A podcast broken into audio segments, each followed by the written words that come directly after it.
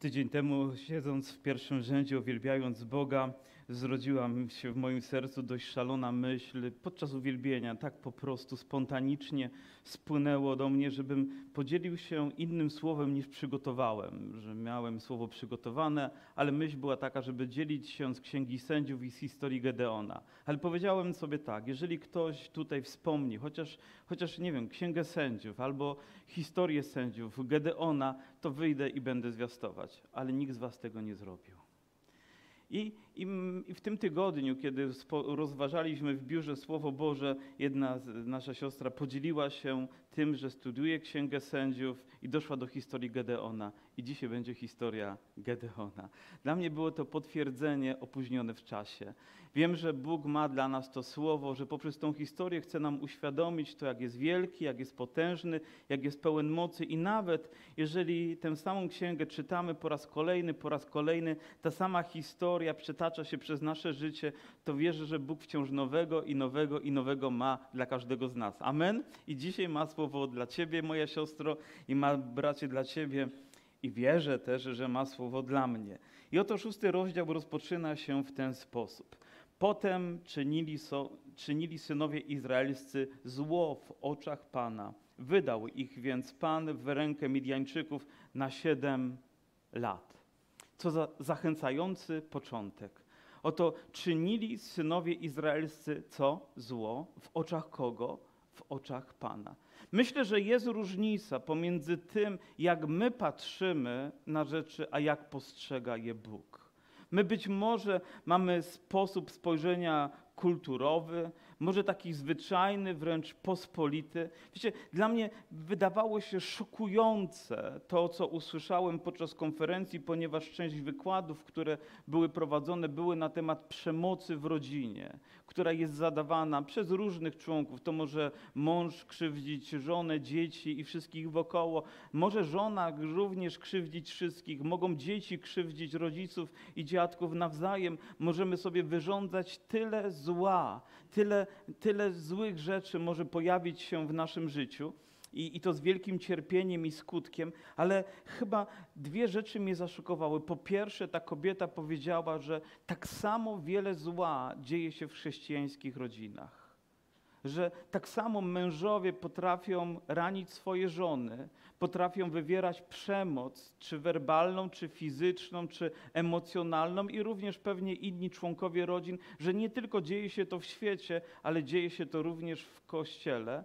I druga rzecz, która również dla mnie była szokująca, to to, że wielu ludzi robi pewne rzeczy dlatego, że nigdy nie nauczono ich, że może być inaczej że, że to jest po prostu standard. Powiem, dziadek bił babcię, ojciec bił mamę, to jak myślicie, będzie syn postępować? On uznaje to za pewną normę. Jeżeli on krzyczał na nią, jeżeli ona krzyczała na niego, i to z pokolenia w pokolenie idzie, ale gdy czytamy Boże Słowo, to Bóg, nie historia, nie tradycja, nic innego mówi nam, co jest dobre, co jest złe, a nawet, i tutaj być może się narażę, nawet nie prawo określa, co jest prawe, a co nie jest prawe do końca, to Bóg decyduje. Jeżeli prawo usankcjonuje grzech, to czy my również mamy powiedzieć na to amen? Jeżeli prawo stwierdzi, jeżeli Bóg mówi, że w Jego oczach ta rzecz wygląda inaczej, to my chcemy zgodzić się z Bożym Słowem, chcemy zgodzić się z Bożym spojrzeniem. I myślę, że jest czasami ogromna różnica pomiędzy tym, jak ludzie patrzą na nas. Gdy patrzymy na ludzi, którzy są na pierwszych stronach gazet, na celebrytów, klaszczemy im, ale Bóg prawdziwie zna ich serce i ich potrzeby, i czasami one później wybuchają wielkim skandalem i wielkimi dramatami, które tam się rozgrywają, i ci ludzie nie są od tego wolni, ale Bóg już wie, zanim my zaklaszczemy, co jest prawdą. Możemy w kościele również udawać, że jest dobrze, ale prawda o nas jest inaczej, Boże spojrzenie jest inaczej. My możemy mieć jakiś pogląd na kościół, na zbór, który wydaje się jest tak dobry, dobry, tak fajny, ale Bóg zna jego prawdziwe realia. Bóg zna jego prawdziwy duchowy stan. Gdybyśmy przyjęli taką oto, taką oto rzecz, że w, Księdze Objawienia mamy listy do siedmiu zborów i widzicie, spojrzenie nasze na te zbory mogłoby się różnić od tego, jak Jezus spojrzał. Oto zbór, który jest bogaty, który mówi niczego nie potrzebuje, daje sobie radę, prosperuje, może nawet wiernych członków przybywa, płacą wszystkie rachunki, może nawet jeszcze mają rzeczy na rozwój, na inne. Powiedzielibyśmy dobrze, ale Bóg ma inne zdanie o tym zborze, a jest zbór mały, który nie ma może zbyt wielu członków i budżet jest nie za wielki, ale Bóg ma inne zdanie, chwalebne zdanie o tym małym zborze, jakże to może się różnić. I tak myślałem sobie w pewnym momencie, gdyby Bóg spojrzał na nasz Kościół i gdyby zechciał napisać list osobisty do zboru w Dąbrowie Górniczej, ja nawet nie wiem, czy miałbym odwagę złamać pieczęć i otworzyć żeby przeczytać, ponieważ tam mógłby się pojawić ja, mogłoby się pojawić moje imię, mógłby się pojawić mój stan, jak Bóg patrzy. Ale wiem, że Jego łaska może spowodować, że pewnego dnia z odwagą taką rzecz możemy zrobić, wiedząc, że żyjemy z Bogiem, że w Jego oczach możemy być ludźmi prawymi, możemy być ludźmi wolnymi i świętymi, bo tak mówi też Ewangelia. A gdy się wzmogła przemoc Midianczyków nad Izraelem, Poczynili sobie synowie izraelscy przed Midianczykami podziemne lochy w górach, jaskinie i warownie. Czy nie dziwi was to, że oto naciera wróg a oni zamiast, zgodnie z Bożym Słowem, które mówiło, że ta wojna będzie należeć do mnie, że ja jestem wasz Pan, ja stanę na czele i poprowadzę was i wyzwolę, oni uciekają w zupełnie inną stronę, oni kopią sobie rowy, oni gdzieś ukrywają się w jaskiniach, żeby tylko zabezpieczyć jakąkolwiek rzecz, żeby nie została rozkradziona przez Midianczyków, którzy właśnie się zbliżają. Co się dzieje, gdy moje życie jest dotykane dotykany przez Boga? Co się dzieje, gdy pojawiają się trudności? Jaka jest moja reakcja? Gdzie uciekam? Gdzie wznoszę moje oczy? Gdzie kieruję moje kroki? Czy buduję sobie jaskinie, w których chcę się schować? I wielu ludzi, gdy powstają problemy, izoluje się, ucieka, nie szukają rozwiązania, nie mają odwagi skonfrontować tego, co jest z rzeczywistością, którą jest Chrystus i On ma moc to rozwiązać, tylko po prostu uciekamy. I widzicie, moja pierwsza rada jakaś, gdy powstają trudności, nie uciekaj. Nie uciekaj, ponieważ to nie rozwiąże, to pogłębi Twoje tylko problemy, to zamknie i wy, wyizoluje Cię. Znaj Boże obietnicę, wiedz, co Bóg mówi, weź je do swojego serca i nie uciekaj. Nawet jeżeli jest to trudne, nawet jeżeli jest to bolesne, to będzie przez moment bolało jeszcze bardziej, ale później przyjdzie uwolnienie. Miej odwagę stanąć i powiedzieć: Tak, jest problem, mam problem, potrzebuję pomocy, a Bóg już znalazł rozwiązanie, które chce dać swojemu dziecku i Kościołowi. Aleluja! Dobry jest Bóg. Nie chcemy kopać sobie nor, nie chcemy chować się w rozpadlinach skalnych, w grotach, ponieważ wiemy, że mamy wielkiego Boga, który może nas strzec. I zdarzyło się, gdy Izrael zasiał, nadciągali Midianczycy, i Amalekici i ludzie ze wschodu i napadali go. Czy widzicie kolejną rzecz, która pojawia się już w zaledwie trzecim wierszu, że na początku Midianczycy wyruszają, ale później jakby przyłączają się do nich kolejni, kolejni, kolejni, kolejni.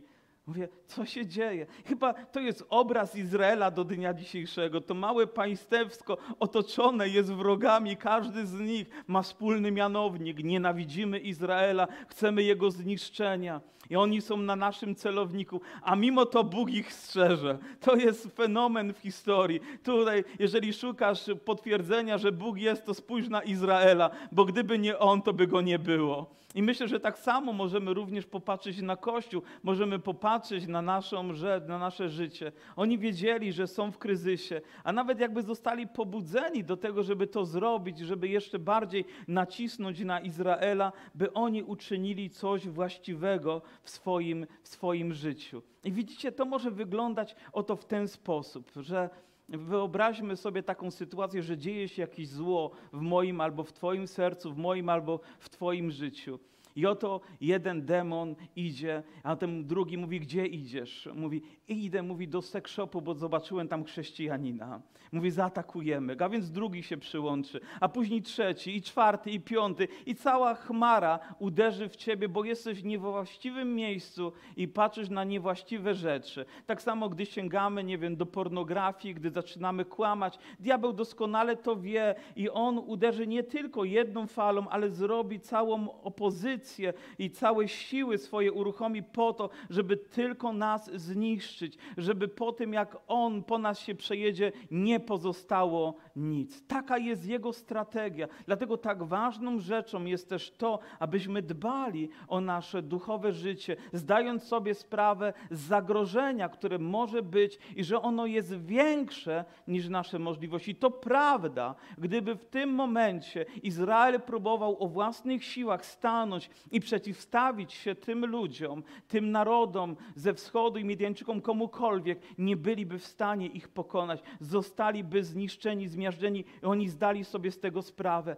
Ale również powinni pamiętać i za chwilę zostanie im to przypomniane, co jest prawdą w ich życiu.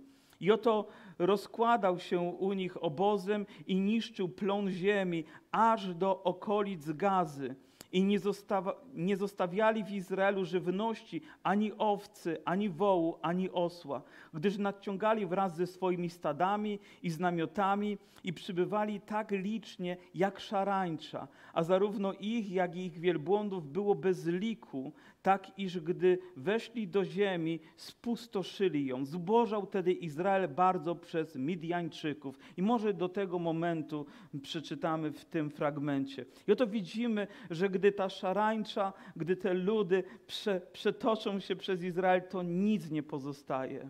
Nic. Wiecie, tak samo czyni grzech w naszym życiu. Czyż tak nie jest? Gdy on przetoczy się przez życie człowieka, to jesteś wyjałowiony, jesteś zniechęcony, jesteś apatyczny. Gdy również grzech zaczyna niszczyć życie chrześcijanina, ono nie różni się często od życia człowieka, który żyje w świecie. Tracisz radość, tracisz pokój, nie patrzysz z optymizmem w przyszłość, nie widzisz nadziei na rozwiązania tej sytuacji, po prostu szarańcza dopadła Twoje serce, dopadła Twoje myśli i je pustoszy dzień za dniem, tydzień za tygodniem. Czy jest w tej sytuacji rozwiązanie? Już wiemy, że pierwszym krokiem, którym powinniśmy zrobić, to nie uciekać, nie poddawać się, nie rezygnować, nie opuszczać rąk, ale podjąć działania. I pierwszym działaniem, które widzimy, które Izrael podejmuje i słusznie podejmuje to i wołali synowie izraelscy do Pana.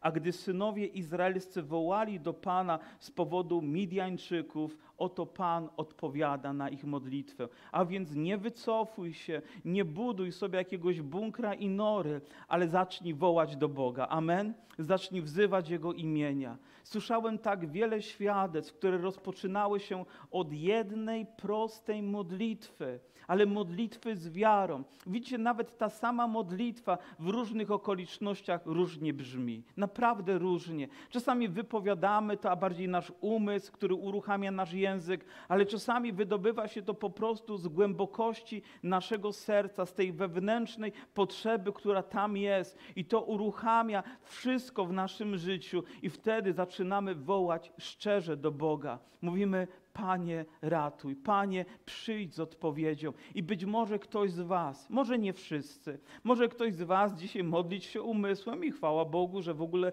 będzie się modlić, ale ktoś modlić się może całym swoim sercem, ponieważ taka jest potrzeba. Czujesz się spustoszony, czujesz się, jakby ten walec przejechał się, szarańcza przeszła przez Twoje życie i jesteś wyjałowiony, jesteś pusty i może nawet próbowałeś uciekać, może chować się, izolować ale to nie dało rezultatów. Sytuacja jeszcze się bardziej pogłębiła, a więc kolejną rzeczą jest to zacznij wołać do Boga jedną prostą modlitwą.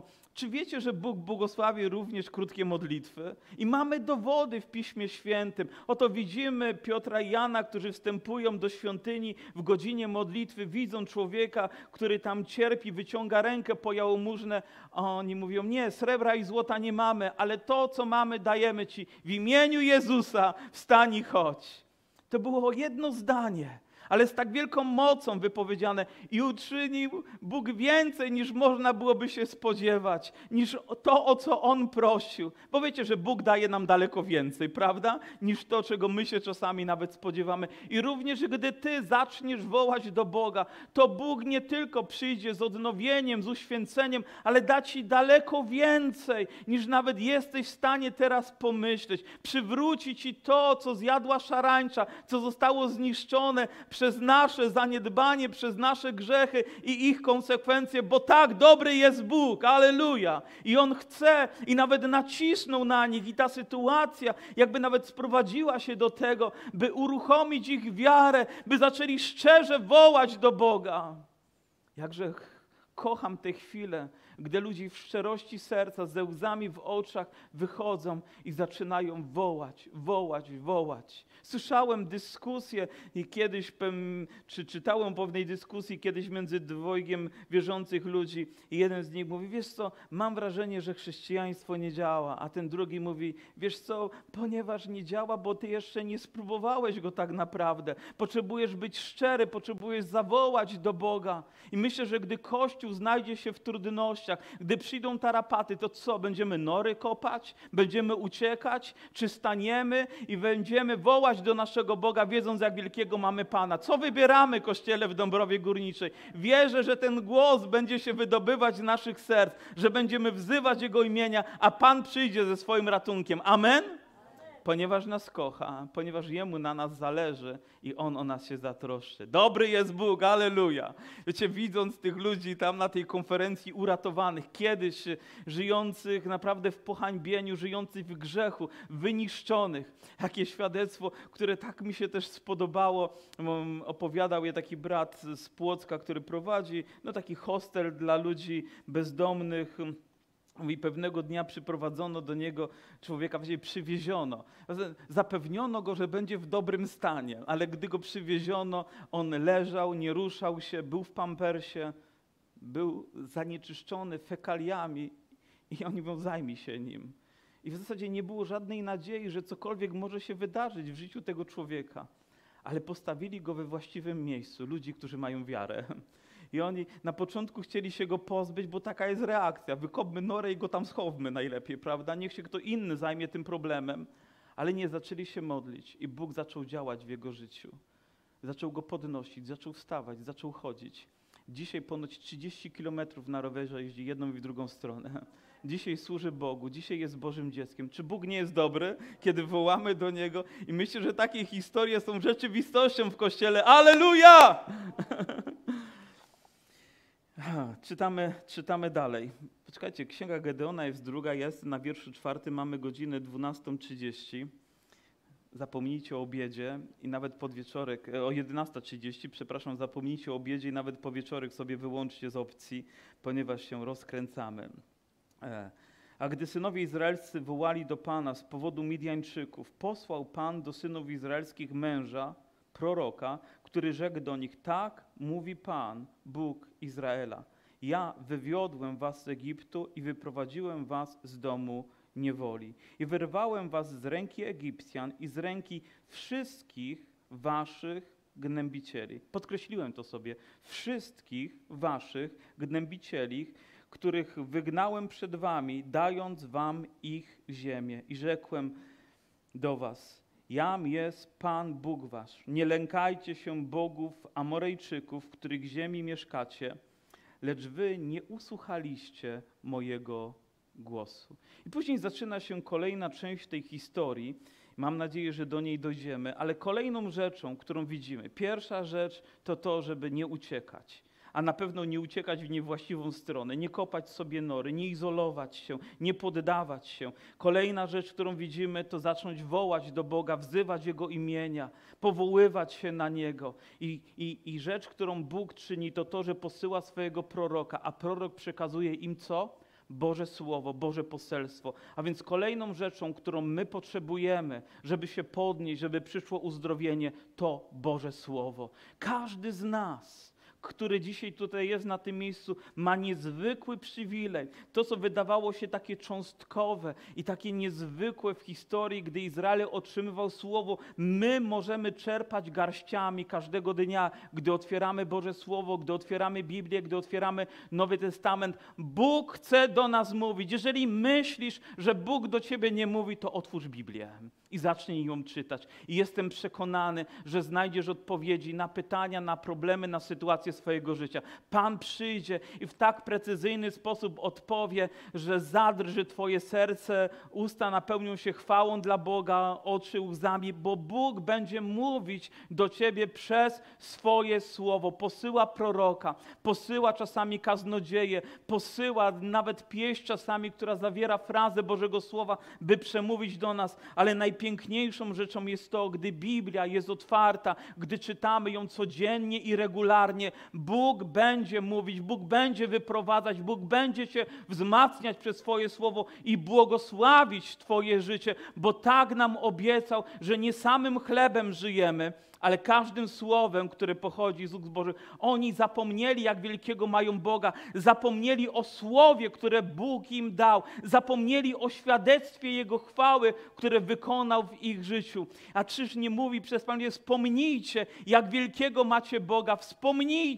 I my możemy wspominać, widząc na, kar na kartach historii Jego dzieło. Możemy wspominać, widząc Jego dzieło w historii naszego życia, aby wiedzieć, że i dzisiaj, i jutro, ten sam Pan wykona swoje dzieło. Amen? A więc nie uciekamy, nie kopiemy nor, ale stajemy przed wyzwaniem, które jest, wołamy do Boga i otwieramy nasze serce na Boże Słowo. Widzicie, możesz też modlić się godzinami, możesz wołać do Boga dniami i mówisz, ale Bóg nie odpowiada.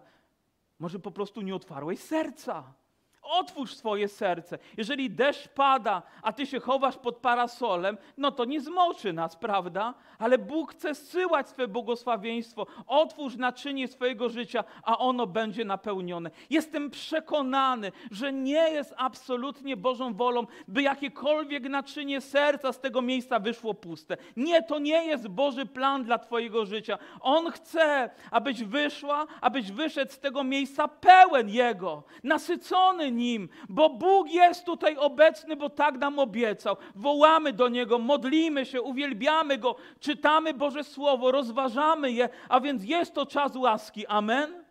I wtedy rodzą się dobre rzeczy. Najlepsze dla naszego życia, gdy Bóg zaczyna w mocy poruszać się, gdy nasze struny życia zaczynają reagować na Jego obecność. Czasami mamy posłuchę w naszym życiu i to wiąże się z tym, że odkładamy modlitwę na później, albo gdy pojawią się problemy. Wiecie, powie, powiem Wam, nie chcesz problemów. Nie chcesz. Nikt z nas tego nie chce. Niektóre z nich mogą być takiego kalibru, że mogą nas zniszczyć, jeżeli nie będziemy na fundamencie Bożej łaski. Nikt z nas nie wie, co wydarzy się jutro czy Midianczycy, czy inni nie nadciągną, aby przynieść spustoszenie, aby wyniszczyć nas. Czy nie napadnie nas chmara demonów, próbując zniszczyć nasze serca, nasze relacje, nasze rodziny, nasze domy, próbując zawładnąć naszymi dziećmi. Nie chcemy tego. Dlatego wołaj do Boga. Dlatego stawaj z otwartym sercem i przyjmuj Boże Słowo. I nawet powinniście to powiedzieć. Panie, przyjmuję to Słowo przyjmuje. Ja pamiętam, jak byłem na konferencji, na której usługiwał David Wilkerson. Ktoś z was słuchał go kiedyś na żywo? Kto z was miał ten przywilej? O, błogosławieni są. Niech włożą na was ręce i się modlą, będziecie mieć namaszczenie od razu. Ale naprawdę było wielkim przywilejem słuchać tego Bożego sługi i mówił dobre rzeczy. I wiecie, miałem wrażenie, że tak jakby ktoś kamienie odbijał od mojego serca. Zdarzyło się wam to kiedyś? I mówię, co jest? Mówię, Panie, to słowo nie ma mocy. I wtedy Bóg mówi, nie, że słowo nie ma mocy, tylko ty jesteś zarozumiały i go nie przyjmujesz. Ty nie otworzyłeś swojego serca. I wtedy powiedział coś. Musiałem schować głowę, w zasadzie twarz między dłonie, bo ludzie by zobaczyli, że, że są moje oczy są pełne łez. Powiedział coś, co pamiętam do dnia dzisiejszego, coś, co poruszyło mnie bardzo głęboko na temat spędzania czasu, marnowania mojego czasu wciąż na nowo Bóg chce mówić do swojego Kościoła, chce nas poruszać, chce nas błogosławić i chwała Mu niech będzie za to. Wiecie, naprawdę bije się z wielką pokusą, czy iść dalej, czy w tym momencie zatrzymać się i te rzeczy, żeby utrwaliły się w Was, ponieważ rozpocznę nowe kazanie. Będziemy głosować? Mamy iść dalej, czy zatrzymujemy się? Janusza przekupiłem, dlatego tak głośno mówi. Dobra, pewnego razu przyszedł anioł pański. Jak ja uwielbiam takie historie. Wiecie, w Biblii to jest takie naturalne. O, przyszedł anioł pański, przemówił. Wyobrażacie sobie taką chwilę w swoim pokoju, że siedzicie, myślicie o jakichś problemach, troskach, kopiecie nory, jesteście gdzieś schowani a tu przychodzi anioł i mówi do was. Tak po prostu nagle pojawia się jakaś postać. I nieraz czasami cień gdzieś tylko przeniknie, a człowiek już ma serce w gardle, już emocje się uruchamiają, a co dopiero jakaś świetlista postać, jakaś charakterystyczna postać staje przy was i zaczyna do was przemawiać. Są chętni? Mówię, mam nadzieję, że tak, ale z drugiej strony jest to wielkie wyzwanie. Dzisiaj wiemy, że Bóg staje w różnych okolicznościach, by do nas mówić. Przyszedł anioł pański i usiadł pod dębem. Tak sobie pomyślałem, dąb. I oczywiście poszedłem dalej. Dąb, Dąbrowa, najlepiej górnicza. Mówię, Boże, może to właśnie dla nas jest, pod dębem, może w Dąbrowie, może to jest ten czas, ale zwróćcie uwagę, który był w Ofra i należał do Jasza, potomka Abiezera, podczas gdy Gedeon i jego syn wyklepiwali pszenicę w tłoczni winnej, aby ją zabezpieczyć przed Mydjańczykami. I myśl, która, prosta myśl, która zrodziła się z tego fragmentu, że jest czas i miejsce, jest ta chwila, kiedy Bóg chce do nas przemówić. W tak wyraźny sposób, byśmy nigdy nie poddali tego wątpliwość. Wiecie, są słowa, są kazania, są nabożeństwa, są wydarzenia, które zapamiętujemy przez całe życie. Miałem taki przywilej, że spotkałem kogoś i nie widzieliśmy się, nie wiem, przez 20 lat, a 20 lat temu, czy powiedzmy blisko tego, miałem kazanie gdzieś w Warszawie na Puławskiej i on przypomniał mi to kazanie i mówi, pamiętam w szczegółach. Ja mówię, ja zapomniałem nawet, ale Bóg użył tej chwili po to, żeby coś utrwalić w jego sercu. Czy dzisiaj to miejsce, ten czas, ta chwila będzie tym spotkaniem, kiedy Bóg mówi do ciebie, mówi, moje dziecko, nie uciekaj, Zacznij walczyć o swój dom, o swoje małżeństwo, o swoją rodzinę. Zacznij walczyć o Kościół, zacznij walczyć o siebie, o godne życie, ponieważ do tego Cię powołałem, nie żebyś żyła w pohańbieniu, nie żebyś ciągle uciekała, żebyś ciągle uciekała przed spojrzeniami ludzi, ponieważ czujesz się niewzarzona. Nie, tak nie jest. Mówię, nie poddawaj się. Zacznij wołać, zacznij wzywać mojego imienia. Otwórz swoje serce, ja poślę swoje słowo a później Bóg nawet czyni coś więcej, coś więcej. Może Boży plan jest większy niż tylko to, żeby Midianczycy nie nadciągnęli, niż tylko to, żeby nie wyżarli nam wszystkiego z lodówki. Może Jego plan jest większy dla naszego życia. I oto dlatego staje anioł w tym konkretnym miejscu, i nawet ono jest tutaj scharakteryzowane, i ukazał mu się anioł pański, rzekł do niego: Pan z tobą, mężu waleczny. Widzicie przez Boże Słowo coś, czego sami nie potraficie dostrzec. Boże spojrzenie na nas jest czasami tak różne, jak my patrzymy na siebie. Gdyby ktoś dzisiaj powiedział Tobie, o mój wspaniały Boży sługo, ilu z Was podniosłoby ręce? Nie ma ani jednego, który czuje się wspaniałym Bożym sługą? Czy taka nasza skromność, taka nasza pokora nakazuje nam, ale widzicie, tak patrzy na nas Bóg. A gdyby on usiadł się, mówi, mówi, mój synu, jesteś wspaniałym Bożym sługą, będziesz walczyć w moim imieniu, będziesz ewangelizować, czy będziesz zwiastować Boże Słowo, czy będziesz mnie uwielbiać i będziesz to czynić w taki chwalebny sposób, powiem, wciąż mielibyśmy trudność, żeby dźwignąć naszą rękę. Dlaczego? Bo, bo nasza wiara nie pozwala nam, bo my o sobie myślimy zupełnie inaczej. Jak, jak wielu z was chociaż raz w życiu pomyślało, że się do niczego nie nadajecie? Szczerze, szczerze choć raz w życiu, bądźcie szczerzy, choć raz w życiu dźwignijcie rękę i chciałem powiedzieć, że to jest również zaproszenie do wyjścia na środek.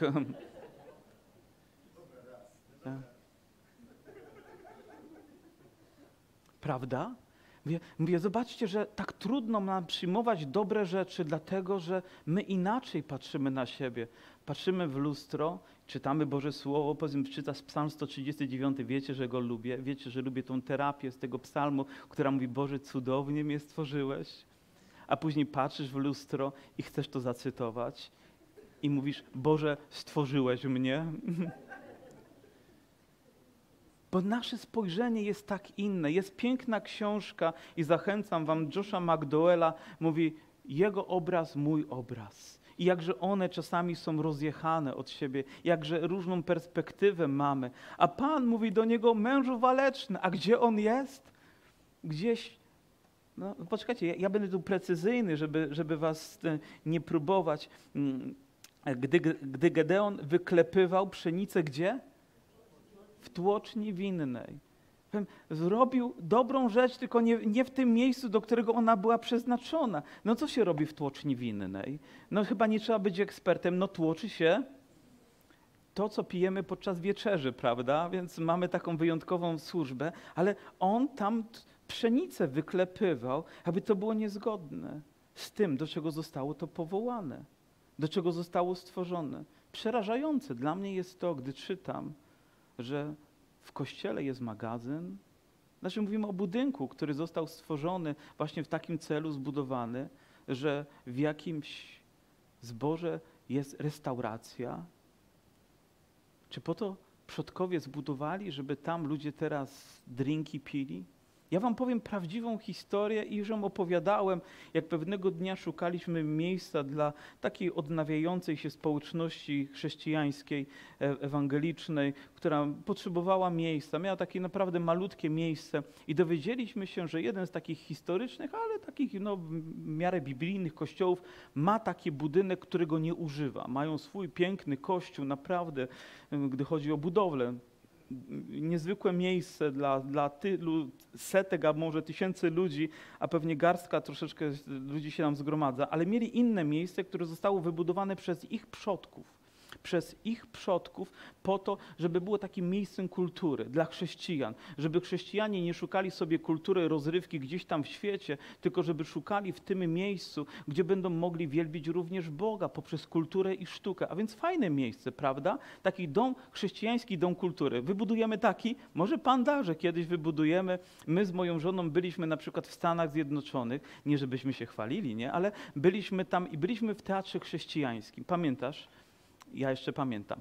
Y, byliśmy w Teatrze Chrześcijańskim i kiedy byliśmy na sztuce, i to była pod tytułem Psalmy Dawida, zapamiętałem do dnia dzisiejszego, jak oni tą sztukę odstawili, tak na początku kopara mi upadła, to przez 45 godziny nie mogłem jej dźwignąć. To było tak niezwykłe, tak inspirujące, tak pełne chwały, tak pełne piękna. I ci artyści chrześcijańscy, jak oni to wyrażali, to po prostu serce rosło i mówi, ja też tak chcę. Ja bym chciał, a więc takie miejsce zostało stworzone jeszcze przed wojną, ale w tym momencie był tam klub. Weszliśmy do tego klubu, było czarno, było ciemno, tak, taki charakterystyczny wystrój, dym się gdzieś tam unosił, jakiś zapach piwa i drinków wydobywał się z tego miejsca. Więc wiecie, jakiemu celowi to służyło, ale wciąż należało do tego kościoła. Więc poszliśmy z taką ufnością do, do księdza, do pastora, z nadzieją też, że jednak gdy przedstawimy mu program, że tam mogą spotykać się wierzący ludzie, chrześcijanie, to on powie, o, całe życie na to czekaliśmy, aż tak będzie to spełnione. A on tak posłuchał nas. Najpierw musieliśmy pismo napisać, a później dostaliśmy odpowiedź, że niestety z różnych przyczyn nie zostanie to przekazane. Zobaczcie. Ja mówię, ja chcę się spotkać z nim. Nie, nie, nie, nie, nie, mo, nie może mi to dać spokoju. I mówię, mówię czy, czy, czy, nie jest wam smutno, że wasi dziadkowie wierze budowali to z wielkim poświęceniem, by służyło Bożej chwale, a wy teraz tak lekko oddajecie to na coś, co jest dalekie od, od tego, co Boże, od tego, co święte, od tego, co dobre, zamiast przeznaczyć to, by służyło, by służyło Bogu? Jest inne miejsce, ono też, w, o ile dobrze historię pamiętam, to jest we Wrocławiu, i jak to w czasach komunistycznych wszystkie budynki, też takie kościelne, zamieniano na różne inne miejsca i kino tam zrobiono. To pierwotnie służyło Bogu, służyło Bożej chwale, ale kino tam zrobili. I, powiem, I rzeczywiście to kino prosperowało, później upadło, ale znalazła się grupa ewangelicznie wierzących ludzi, którzy potrzebowali większego miejsca, by uwielbiać Boga i wiedzieli o tym miejscu i zaczęli szukać właściciela. I właścicielem okazała się taka starsza już pani, chyba około 90 lat. I oni przedstawili jej tą propozycję, że chcą tam uwielbiać Boga. Ta staruszka, gdy usłyszała te słowa, ta starsza pani, rozpłakała się. Jakby mówi, całe życie na to czekałam. By zaczęło to służyć znowu z godnością do tego, do czego zostało przeznaczone pierwotnie. Widzicie, Bóg nie chce, żebyśmy coś zamieniali na coś, czy, czym nie powinno być. I tak samo nie po to jest nasze serce, by gdy jest tłocznią winną, byśmy wyklepywali tam pszenicę. Ale jeżeli jest to świątynia, to ma być tam Boża chwała. Amen? To ma być miejsce wyjątkowe, bo Bóg tego chce, bo Bóg tak zaplanował dla naszego życia i chce w ten sposób błogosławić swój Kościół. A Gedeon do niego, za pozwoleniem, panie mój jakby chciał powiedzieć, jak jest tak dobrze, to dlaczego jest tak źle? Za pozwoleniem. Szczerze, znowu ręka w górze. Kto z Was modlił się kiedyś tak? Mówi, Boże, skoro jest tak, to dlaczego jest tak źle? A nie wszyscy dźwignęli się. Czemu nie dźwignęło? Każdy z nas powinien dźwignąć rękę, myślę, bo nie wierzę w to, żebyśmy w jakimś momencie naszego życia w ten sposób się nie modlili. Za pozwoleniem Panie, jeśli Pan jest z nami, to dlaczego spotkało nas to wszystko? Gdzieś są wszystkie Jego cuda, o których opowiadali nam nasi ojcowie, mówiąc, czyż nie Pan wywiódł nas z Egiptu, teraz zaś porzucił nas Pan i wydał nas w rękę Midianczyków. Czy zauważacie to, że Gedeon nie zauważa? Nie zauważa tego, że znaleźli się w tym miejscu nie z powodu tego, że Bóg ich nie kocha, ale nawet z powodu tego, że ich kocha i chce, żeby zaczęli wołać do Boga i wyszli z tej sytuacji, że nasz punkt spojrzenia tutaj jest zupełnie inny na to, jak Bóg patrzy na tą historię. My nie rozumiemy, my jesteśmy emocjonalnie zaangażowani. Ja często mam do czynienia z ludźmi, którzy są emocjonalnie rozkręceni i przychodzą z jakąś rzeczą do mnie i wiecie co, nie ma dyskusji. Po prostu emocje przewyższają wszystko. Nie ma możliwości dotrzeć do nich i prowadzić jakąkolwiek dyskusję w tym momencie, dopóki emocje nie osłabną. To jest tak, jak się kłócicie w małżeństwach. I znowu mam pytanie, kto z was kłócił się chociaż raz w małżeństwie? Niech dźwignie rękę. Ja się kłóciłem sam ze sobą. Ale wiecie, że wtedy emocje są wyeskalowane tak bardzo, że trudno mówić o czymś racjonalnym, rzeczowym, merytorycznej dyskusji. No wiesz, żono, nie podoba mi się to, co uczyniłaś i w związku z tym chciałbym ci powiedzieć, że Boże Słowo mówi, że mąż jest głową domu, po czymś takim bym pewnie nie spał w domu, ale bo to byłoby gorsze jeszcze niż podniesienie, podniesienie głosu ale trudno jest z emocjami dyskutować. Naprawdę jest trudno. Dopóki one nie osłabną i nie przyjdzie zdrowy rozsądek, otwarte serce i Boże Słowo. Zgadacie się ze mną? Ale jesteście kochani dzisiaj. Gdzie są te cuda, o których Pan opowiadał nasi ojcowie, mówią, czyż nie Pan wywiódł nas z Egiptu, teraz nas porzucił nas i wydał nas w rękę Midianczyków. Wtedy Pan zwrócił się do Niego. Jak myślicie, Bóg wdaje się w dyskusję z nim, czy nie? Będzie mu wyjaśniał wszystko, czy pójdzie dalej? I, i rzekł do niego: Idź w tej mocy i wybaw Izraela z ręki Midianczyków. Przecież to ja cię wysyłam.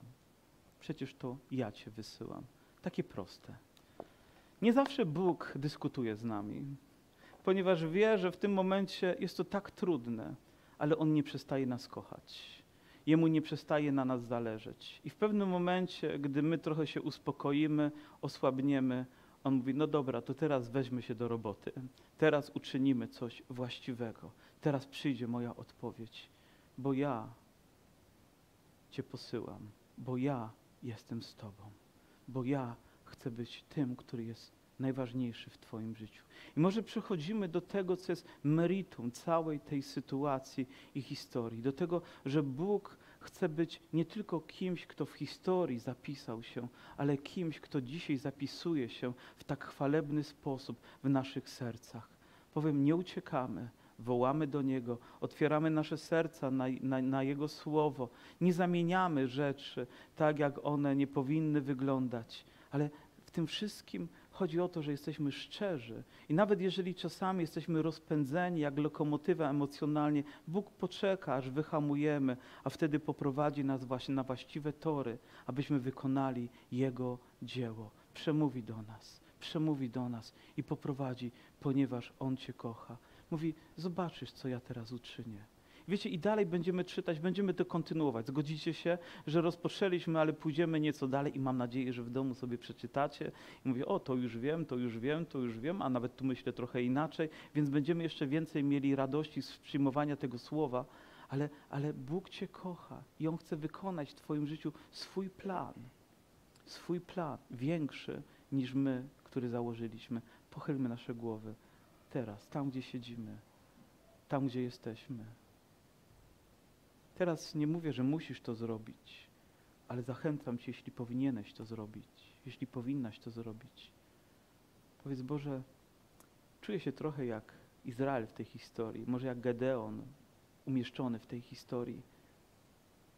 Może jakieś rzeczy pozamieniały się w moim życiu. Może zamiast uciekać do Ciebie, to uciekam od Ciebie. Może przestałam wołać albo przestałem się modlić regularnie, systematycznie. Pani potrzebuje. Może dzisiaj potrzebuje otworzyć serce i przyjąć to słowo, takim jakim ono jest, aby uświadomić sobie, jak bardzo mnie kochasz. Dzisiaj Twoje emocje nawet bronią się przed Bożą miłością, ale gdy Bóg ją tam umieści, a to, co Twoje zniknie, ta miłość objawi swoją wielką moc. Wielką moc uzdrowienia dla Twojego życia. Kto z Was potrzebuje takiej modlitwy? Podnieść na chwilę swoją rękę. Proszę, zróbcie to. Kto z Was? Zróbcie to otwarcie, szczerze. Dobrze, podnieśmy nasze ciała i, i, wspólnie razem uwielbimy Boga w modlitwie. Panie, dziękujemy Ci za ten czas, który nam dałeś, za słowo, które posłałeś, za uwielbienie, w którym mogliśmy uczestniczyć, za stół, Panie, którym wspominaliśmy Twoją ofiarę i za to, że dzisiaj tak wyjątkowo też, Panie, Ty przemawiasz do nas indywidualnie, posyłając swoje słowo, posyłając je do naszego serca. Panie, dzisiaj mam świadomość, że są tutaj osoby takie jak Gedeon, które potrzebują osobistego spotkania z Tobą właśnie w tym miejscu, w Dąbrowie, przy Łukasińskiego, w tej skromnej kaplicy, ale też Pani dziękujemy Ci za to wyjątkowe miejsce dla nas, ponieważ tutaj jest zwiastowana Ewangelia, ponieważ tutaj chcesz dotykać się serc swoich dzieci. Dzisiaj chcesz, Panie, przynosić uzdrowienie. Dzisiaj chcesz przynosić odnowienie. Panie, dzisiaj chcesz, aby rzeczy były na właściwym miejscu. Panie, dzisiaj chcesz, abyśmy właściwie popatrzyli na samych siebie, widząc Twój plan. Panie, błogosławimy Cię za to, uwielbiamy Cię za to. Panie, dotknij serca mojej siostry. Panie, i tylko Ty możesz być jej mocą, jej ratunkiem, nawet gdy ona tego zapomniała. Panie, bądź mocą w życiu mojego brata i wypełnieniem jego powołania, nawet jeżeli on coś zaniedbał w swoim życiu. Panie, dzisiaj bądź odpowiedzią, Panie, na potrzeby swojego kościoła, nawet jeżeli my rzeczy pozamienialiśmy. Prosimy, bądź, Panie, bądź, Panie, bo jesteś wielkim Bogiem, wielkim Bogiem. Tobie niech będzie cześć i chwała i uwielbienie. Aleluja. Będziemy śpiewać pieśń, będziemy uwielbiać Pana.